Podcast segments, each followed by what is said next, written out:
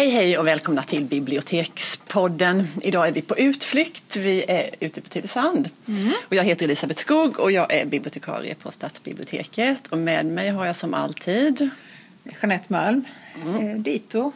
Ja. ja, allt det andra stämmer. ja, eh, det är en bibliotekskonferens i Tylösand några dagar nu. Och vi har dragit iväg och ska plocka upp några intressanta personer som vi vill prata med den första vi hittade med lite möda, men i alla fall här i tidig morgon. Det är Jack Werner och du är journalist, bloggare och debattör. Och du är jättevälkommen till Bibliotekspodden. Tack. Ja, eh, vi ska lyssna på dig lite senare idag och då är rubriken för det du pratar om är eh, vandringssägner på sociala medier. Mm. Det stämmer va? Mm. Ja. Och där är idén att eh, egentligen är det väl att eh, källkritik på sociala medier är idag inte ett lika styvmoderligt behandlat ämne som det var för sig tre, fyra år sedan. Eh, utan idag så finns det ett antal aktörer som håller på med det här på ett professionellt sätt och försöker folkbilda kring det. Eh, antingen om man vill prata om källkritik på sociala medier eller om man vill kalla det för eh, eh, media literacy, vilket också liksom pratas om. Det här är ju ord som på något sätt har vuxit i betydelse väldigt mycket och eh, med det har fört att så här, ett antal människor debatterar just nu om det. Eh, vissa debatterade på, om det på en nivå som ibland kan bli, tycker jag, lite abstrakt. Eh, andra hänfaller åt ord som faktaresistens, post-truth, mm. alternativa fakta, eh, allt det där, och, mm. vilket jag också har mina invändningar mot eftersom att det blir så mycket att man bara pratar om ord mm. eh, istället, mm. för att, istället för att använda de i många fall finfina ord som redan finns för att beskriva beteendet. Mm. um, och mitt val lite grann i den här i den här miljön har nog varit att mer och mer rikta in mig på just vandringssägnerna som sprids på sociala medier. Detta lite delvis inspirerat, eller inte inspirerat av, men jag fick liksom lite vatten på min kvar nyligen när jag läste en amerikansk folklorist som föreslog att istället för fake news mm. skulle vi kunna prata om folk news. Mm.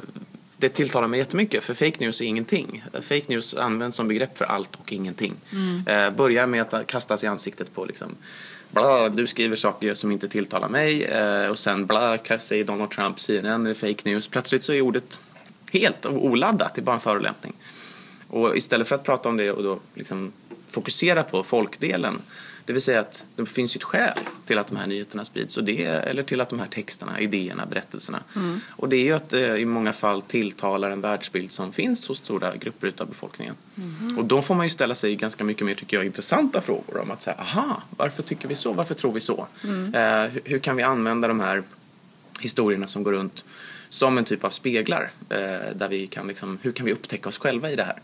Och det är det jag själv har fastnat för. Eh, Sen är det ju så med vandringssägner att de innehåller allting. Alltså de, de, en vandringssägen tycker jag är en förpackad samhällslektion, eh, källkritiklektion, läsförståelselektion. Mm. Allting förpackat i en detektivhistoria. Det vill mm. säga det är upp till dig att ta reda på om det här stämmer eller mm. inte. Mm. Jag menar jag förstår inte hur man inte utnyttjar den här potentialen som den här, som varje enskild berättelse innebär. Så, så att jag har liksom lite grann försökt borra ner mig på det här området och eh, avhandlar det lite grann i en bok som jag kommer, som jag kommer ut med i januari. Mm. Eh, och, och, det här är målet lite grann att jag ska liksom, för att jag är inte någon utbildad folklorist och eh, har, har nätt och, jämt fått någon sorts välsignelse från Bengt af Klintberg. nätt och jämt. Det var ju just Klintberg vi tänkte på för att det var ju ett begrepp under mm. säg 80-90-talet. Man pratade om klintbergare. Råttan i pizzan. Ja, det började med den. Och alla läste ju de här böckerna och mm. tyckte det var jättekittlande och så roliga berättelser. Men då spreds det ju muntligt på ett betydligt långsammare sätt kan jag tänka mig. Men ändå dök historierna upp ganska lika i eh, åtminstone i Sverige. Idag går det ju så fort. Vad är skillnaden mellan en vandringssägen på nätet och en mm. så kallad klintbergare i eh, muntlig tradition? Anmärkningsvärt liten mm. till att börja med. Mm. Alltså, eh, jag menar vandringssägner som, så, som sådana, som, som fenomen, det ju, fortsätter ju vara vad det en gång var, det vill säga historier berättelser som vi helt eller delvis uppfattar som eh, i någon mån sanna. Mm. Det är ju den definition jag har köpt. Liksom. Och det är att eh, det betyder ju att liksom, man inte nödvändigtvis tycker att varenda enskild bokstav, ja visst det här är den bokstavliga sanningen om vad som inträffade. Utan mer att man anser att den här historien är en lämplig, lämplig illustration mm. av ett sakförhållande som jag uppfattar som sant. Och då mm. kan det peka på någon typ av samhälls, liksom, ja, samhället ser ju ut så här eller, eller det här är den typen av problem som vi har i samhället och att den här historien är illustrativ för det. Mm. Jag måste eh, fråga dig en sak, ja. ursäkta om jag mm. högg dig där kanske. Men, har du någon sån här favoritvandringssägn eller något som, kan, som är ett bra exempel på mm. det här jag kommer, berätta, jag kommer berätta flera av dem på scen sen. Ja. Eh, men jag kan väl egentligen eh, en som jag själv tycker om eftersom att den dök upp eh, i mitt, eh, både mitt privatliv och i mitt professionella liv mm. parallellt mm. i uh, Talking Angela. Och den är också lite ny eftersom att den rör då ny teknik samtidigt som den bygger på gamla mekaniker som berättelse. Den handlar om appen Talking Angela. Den går ut på att du kan det är som en liten katt som sitter på ett fik i Paris och sen så chattar den med användaren. Liksom. Mm. Uh, och sen så, det är en chattbot så att den, den förstår ungefär vad du skriver till den. Som, liksom, har, den har den funktionen mm. och kan leverera någon sorts svar tillbaka. Mm. Och den här appen är gullig och eh, väldigt svårt att se vad som skulle kunna vara upprörande med den för det är en mm. katt på ett fik i Paris. Ja. Eh, men icke desto mindre har det alltså under två internationella omgångar gått mm. ryktet att denna app är hackad av en, en pedofil mm. i Paris. Ja. Storyn är då att i den här kattens eh, öga så ska man se en siluett mm. och detta är pedofilen. Ah. Det är han som man ser. Mm. Och den här ryktet har gått eh, i vandringssägensformat delvis eftersom att det har byggts ut till liksom bredare berättelser. Mm. Mycket på bland annat Instagram bland liksom just målgruppen mm. eh, unga. Eh, och där har det sagts då att se upp för att han har nämligen redan kidnappat ett antal barn. Okay. Och eh, han, han åker runt i hela världen. och liksom, och då, vilket det är ju intressant för det här är alltså en app som har, har miljon, hundra miljontals användare runt om i världen. Mm. Så det är en väldigt stressad pedofil som, Mycket att göra. ja, som har ute på liksom någon typ av pedofilturné över hela världen och hämtar hem då stackars offer. Eh, historien är intressant tycker jag eftersom att den skildrar någonting av för det första vår obekvämlighet inför den teknik som vi omger oss med. Mm. Eh, som jag tycker illustreras bäst av att vi har ju alla en sån smartphone. Mm. Eh, men jag menar alltid när jag ställer frågan på, nästan oberoende av vilken publik jag står inför, om jag ställer frågan hur många här kan, för, kan, kan beskriva hur det går, hur, vad som händer mellan att jag skickar ett sms och att det landar i mottagarens inkorg. Rent tekniskt, mm. kan ni beskriva det? Ingen kan beskriva Nej. det, naturligtvis. Nej. Och det intressanta är ju då att men då har vi den här prylen som är mycket, mycket avancerad. Vi fattar inte alls hur den funkar, vi fattar bara att den funkar. Mm. Och det är ju, för mig finns det en parallell till liksom skogen på sätt och vis och dess mm. betydelse för 100-150 år sedan. Mm. Där det var just samma så här, stor, vi hade stor nytta av den, vi hade ved, vi hade virke, vi hade djur där i viss mån, vi hade i viss mån mat. Mm. Samtidigt visste vi att människor gick in där och sen kom, aldrig, kom mm. de aldrig tillbaka. Mm. Vilket betyder att det är en nyttoplats. Sociala medier och telefonen är en mm. nytto. Mm. Det, är en, det är en väldigt liksom, eh, integrerat med vårt liv. Men vi visste att människor gick ut i skogen och kom aldrig tillbaka. Vi visste att det fanns en fara. Mm. Och vi visste att denna fara hade att göra delvis med att vi hade en känsla av att bakom varje träd kunde det finnas mm. någonting vi inte... Men det var en vit zon på kartan. Um, och vad, vad, jag menar då lite grann med att sånt som Talking Angela dyker upp, eller liksom berättelsen om det, är att det är vår tids eh, troll egentligen. Och då tänker mm. jag inte på troll i internetbemärkelsen utan då tänker jag bokstavligt talat på mm. den typ av berättelser man börjar berätta för att skapa en mer tilltalande varning för en plats än bara att säga se upp för du kommer bli utsatt för någonting obehagligt där. Mm. Gå inte in i skogen för du kan falla och vricka foten. Alltså mm. Den varningen fastnar inte hos något barn. Nej. Däremot se upp för att gå ut i skogen för det finns troll där. Mm. Eller skogsrå eller, mm. eller näcken. Alltså det mm. funkar ju. Mm. På samma sätt som jag tror att föräldrar har nog i stor utsträckning mest varnat för de här boogeyman, det vill säga ful gubbe-begreppen på sociala medier. Akta dig för troll och för äh, hackare och pedofiler barn vet inte i vilken stor utsträckning man hackar om pedofil exakt gör, gudskelov. Mm. Men just varningen finns där och det betyder att när barn då när, när någon typ av varningsklocka aktiveras hos ett barn mm. för att ops, här är det någonting farligt och färde då är det just den typen av karaktärer tror jag man tar fram. Och då kan man ju ställa sig den sista frågan, varför har då varningsklockorna aktiverats i Talking Angela? Mm. Som sagt, är en söt katt på ett fik. Mm. min idé är att den första frågan Talking Angeles ställer användaren är vad heter du? Mm. Och i alla fall jag själv har ifrån mina föräldrar i, under hela min uppväxt fått höra om det är något du aldrig får göra på internet, berätta vad du heter. Super liksom, jag menar, det är intressant just eftersom att den där typen av varningar återigen illustrerar vår okunskap inför hur den här miljön ser ut. Se upp, berätta inte vad du heter. För då, det är då du, det är då, ja, det är då du åker dit. Liksom. Inte att den lagrar all annan information. Nej men exakt, precis. Utan, utan, bara så länge du inte så. Ja. Men, men så att det, för mig är det intressant att det är där någonstans en sån här mekanik Och så är det just det han frågar. Ja, och så är det just det katten, katten frågar, precis. Mm. Eh, så, att, så att det här är väl liksom på något sätt en illustration av en, just en vandringssägen som den kan se ut idag mm. eh, på, på, eh, i den här, liksom, i den här IT-miljön. Men de kan använda, jag menar, det finns eh, Minecraft, det, i det spelet finns det en spökhistoria som är att det finns en, en figur som går runt och den figuren mm. är då anden efter spelskaparen Marcus Notch Perssons döda bror. Mm. Och den berättelsen har skrämt livet ur ganska många liksom barn i sin... Mm. I sig också en intressant... Jag menar, jag minns när jag gick i då, eh, vad kan det ha varit, ettan, tvåan eller trean där nere liksom. Att eh, vi pratade mycket om att det fanns en kvinna på skol, kring skolgården. Mm. Och hon, hon, hennes barn skulle ha på något sätt dött eller blivit bortrövade. Mm. Och då hade hon blivit galen. Ja. Och nu gick hon runt skolgården och kidnappade andra barn. Mm. Och den berättelsen berättade vi för varandra. Och jag tänker att vad är vår tids skolgård? Mm. På många sätt är det mm. Minecraft. Mm. Där, där, där de har samma sociala utbyte, barn med varandra. Och de har samma typ av öppen lekmöjlighet. Det är ganska naturligt att det uppstår den typen av berättelser om farorna i utkanten mm. även där. Men då menar du att de här sägnerna eh, de uppstår spontant? Mm. Det är ingen som planterar det här som att föräldrar skulle då på ja. något sätt det, det, jag vet inte om frågan är, är, är, Jag förstår frågan men jag vet inte om den är helt relevant. Nej. För ofta så är det ju så med berättelser att de eh, eller så här, en vandringssägen, en vandringssägen till exempel då. Eh, det talar inte emot definitionen av en vandringssägen att den bygger på en händelse som har faktiskt inträffat. Mm.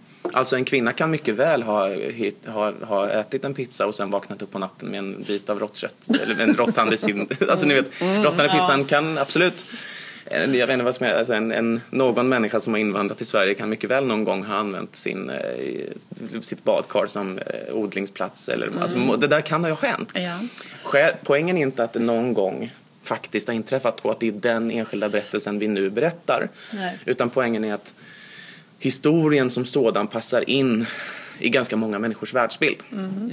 Och därför flyttar den sig från plats till plats och sprids vidare. Ja. Och det är det jag tänker att på samma sätt är det så att om någon förälder en gång i tiden var så här, jag skulle vilja se till att mina barn var försiktiga på sociala medier och därför planterade ut någon sorts liksom, eh, mer eller mindre påhittad historia. Mm. Må vara hänt. Mm. mm. Poängen är idag att den fortfarande finns eftersom mm. att den funkar så bra med oss. Mm. Så att det är mer det tror jag.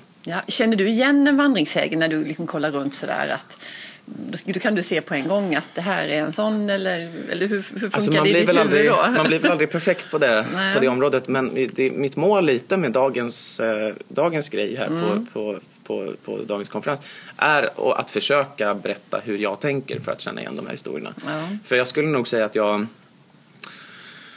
Oh, alltså, jag tror säkert att jag är precis lika möjlig att lura som alla andra. Mm. Men jag har, så här, sen jag var 12 har jag nu sträckläst Bengt af Klintberg. Mm. Eh, i, mm. upp och ner liksom. All, mm. hel, sam, naturligtvis alla de här tre. Mm. Råttan i pizzan, Stulna njuren, Glitterspray.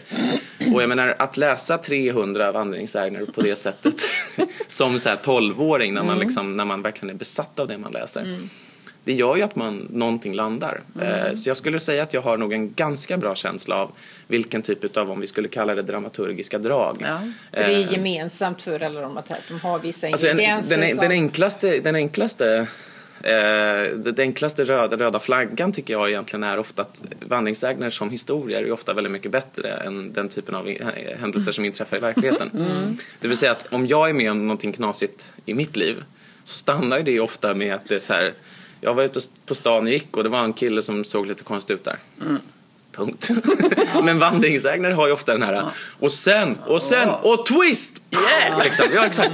Det finns ju alltid den här Hollywoodfilms liksom, grejen med dem. Och det är väl det som jag tror att är liksom mer där kanske om någonstans finns det nog någon, någon, någonting mm. man kan hålla fast vid. Och sen också just det här att eh, karaktärsgalleriet. Antingen så handlar det om en kändis som då är så stor och ikonisk att det överhuvudtaget inte går att nå den här kändisen mm. för att fråga om Nej. det verkligen är sant. Mm. Eller så handlar det om en person som är helt, vilken vanlig människa som helst.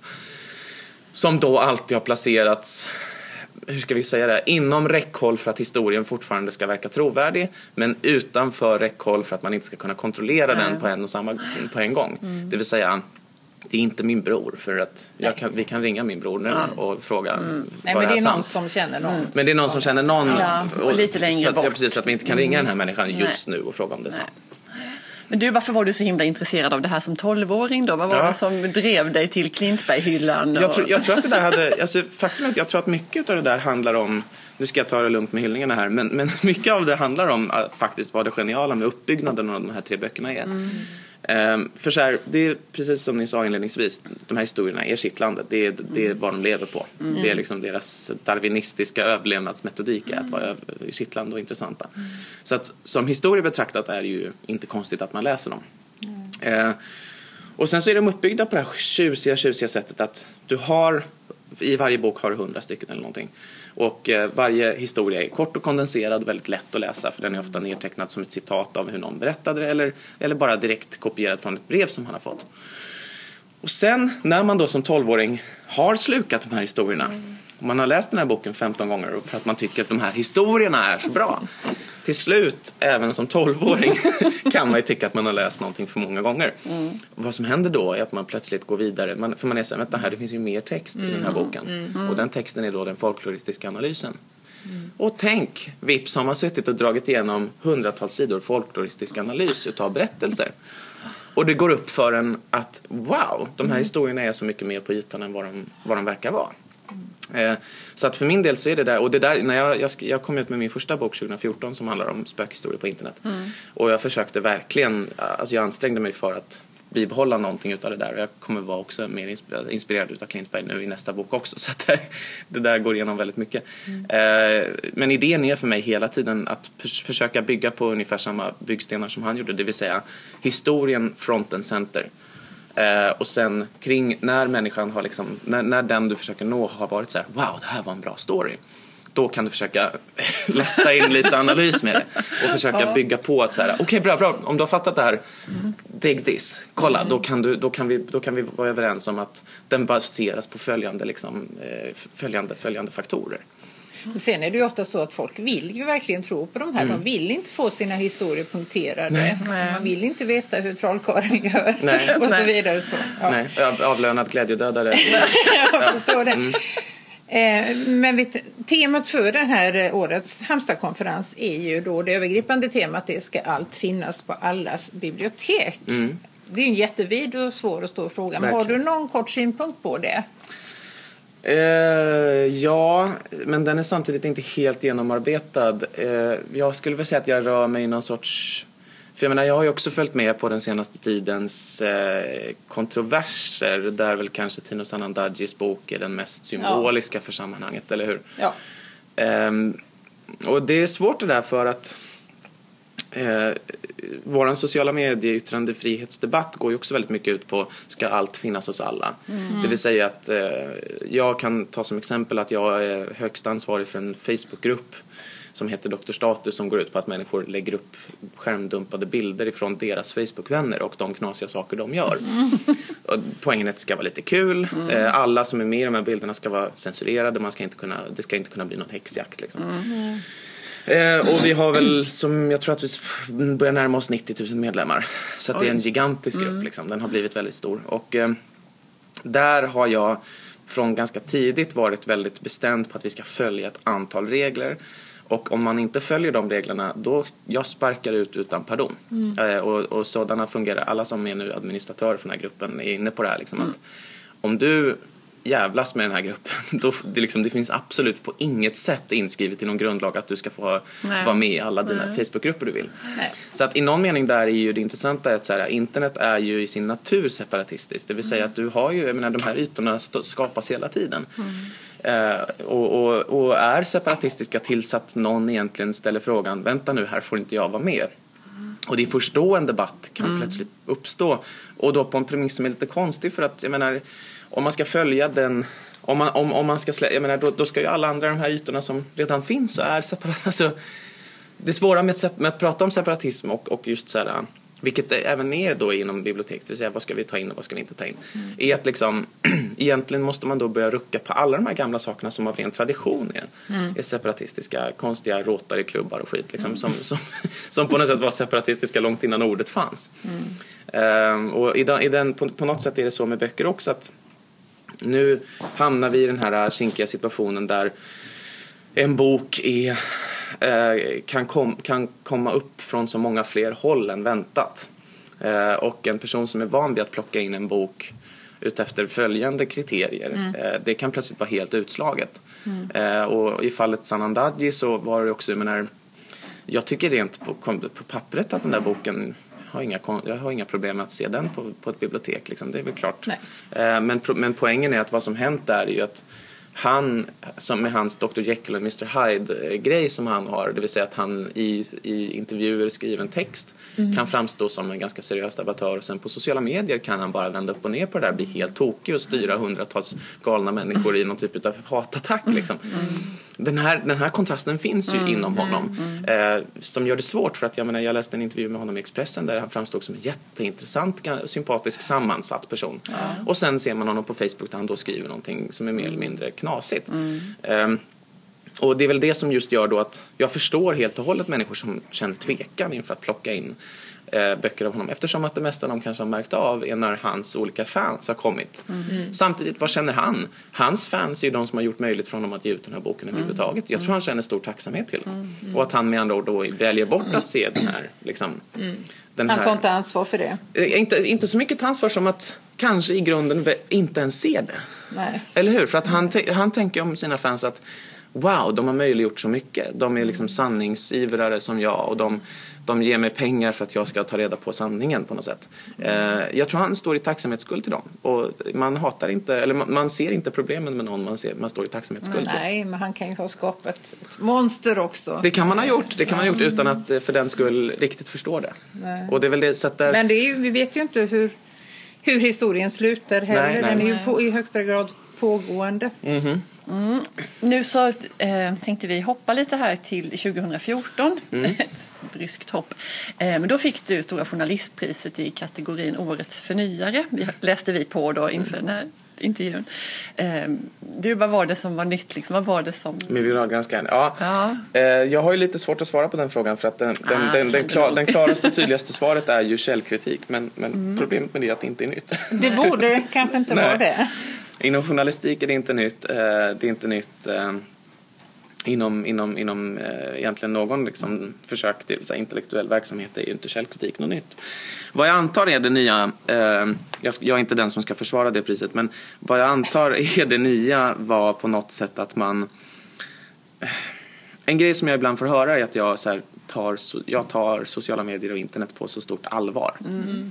Uh, och att det är någonting som, som skiljer mig lite grann från andra. Uh, och nu vill jag inte på något sätt liksom sätta likhetstecken mellan mig och Storjournalistpriset till Viralgranskan för det där var en group effort och det var jag, Linnea och Åsa som gjorde Viralgranskan som fick priset för våran, allas vårt jobb. Mm. Men att det just kanske fanns någonting som färgade av sig på Viralgranskan som var att vi utgick ifrån att informationen som spreds där var precis lika giltig att granska ja. som all information som spreds överallt annars. Mm. Och att, ja, så att den grundläggande analysen innebär egentligen att vad har vi journalister pröjs för? Ja men troligen är det väl att försöka se till att människor är hyfsat informerade. Mm. Varifrån blir människor informerade idag? Jo men det verkar ju vara härifrån. Mm. Okej, okay, ska inte det gå, genomgå samma typ av processer som, mm. som den information som spreds i övrigt också? Mm. Sen är det intressanta är att eh, om man undantar internet ifrån den här ekvationen så när jag nu har liksom samlat på mig lite forskning, lite forskning som har gjorts i det här området för att försöka bilda min uppfattning om var vi står så har jag hittat eh, en kille som eh, skrev en han skrev en typ av forskningsarbete 1980 vad det var, det då, 85, 6, 7 däromkring som handlade om de rykten som gick under raskravallerna i USA 1968. Eh, och då gick ett rykte som eh, egentligen bottnar i ett 2000 år gammal historia naturligtvis från romartiden. mm. och den är då enligt följande. En, eh, en, en, kvinna och hennes son var inne på ett shoppingcentrum. Eh, Sonen sa, kan inte jag få gå på toaletten? Mamman var lite tveksam för han var väldigt liten, 6-8 år, men var till slut okej, okay, du börjar bli gammal, du får göra det.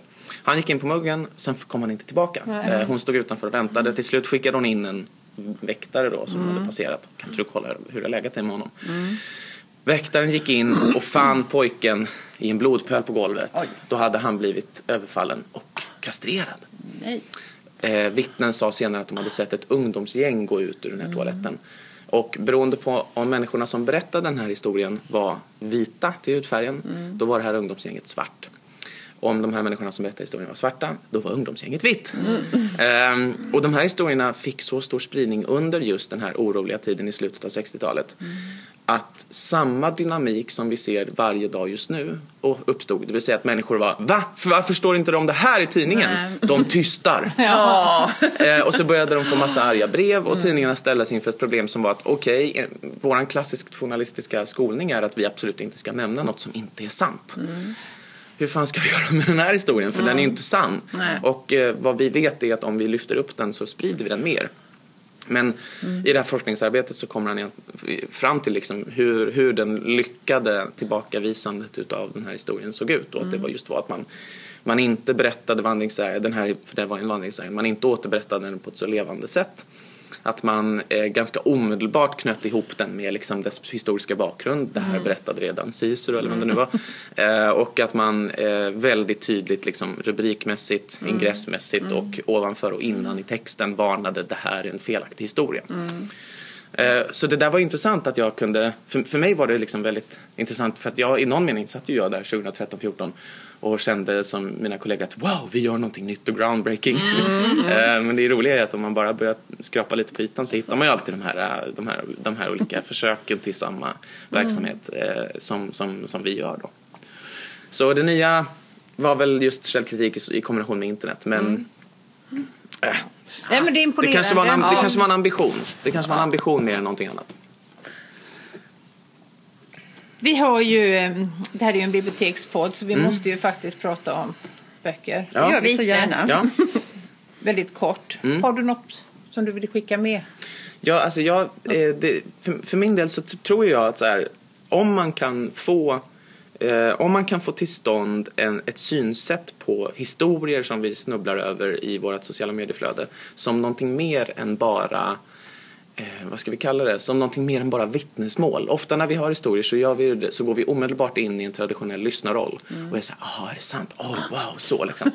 Men om vi bara skulle, om vi, och, det, och så, så, så, är vi byggda och det är jättebra för att det är så vi avnjuter en historia bra. Mm. Men om vi skulle lägga oss till med vanan att kanske börja eh, ta en kritisk ställning till de historier som cirkulerar på sociala medier redan från första början och börja betrakta det som objekt mer. Det vill säga att, ja, vad, vad innehåller den här? Mm, vad, är det för, mm. vad är den här historien? Vilka som, beståndsdelar? Vilka beståndsdelar, precis. Mm. Det tror jag vi skulle kunna tjäna på. Och en bok som jag tror att man kan eh, vinna en del på att läsa då är eh, Hjälten med tusen ansikten av Josef Campbell, tror jag han heter. Mm. Eh, där han egentligen går igenom hur i princip alla större berättelser som har berättats de senaste mm. 2000 åren är en och samma. Mm. och hur de allihopa bygger på ett antal urgamla mytologiska drag. Man ska inte läsa bok, eller man ska läsa boken men förberedd på att bli irriterad om man inte är 100% eh, med på typ Jung okay. Eh, och den typen av psykodynamik mm. för, för han bygger en del på det. Mm. Men om man han kan... förutsätter att man känner till jag inte förutsätter att han känner till så mycket som att ja, han utgår ifrån det. Ja. Eh, och idag, min, min sambo är snart färdig KBT-psykolog mm. och hon tycker att PDT, psykodynamik, är flum och humbug. så att om man då anser att psykodynamik är flum och humbug då kan man bli lite irriterad inledningsvis i den här boken. Men, men, men om man kan tänka sig att stå ut med det så, så finns det ändå en del vettiga lärdomar. Om inte annat just för att grundlägga den här attityden till vad en berättelse är. Mm. Så Hjälten med tusen ansikten. Ja. ja, nej men tusen tack. Vi ska ta itu med den där boken tror jag. Mm. Ja, och så ska vi lyssna på dig. Vi kommer att lära oss massor. Ja, nu har jag också berättat om, om de, nu har jag valt exempel under det här samtalet som jag inte tar, tar upp ah. på scen. Så nu kommer nej. ni få nya exempel. Ja, men du, tusen tack för att du tog dig tid. Mitt stora nej. Ja, tack. Hej då. Hej.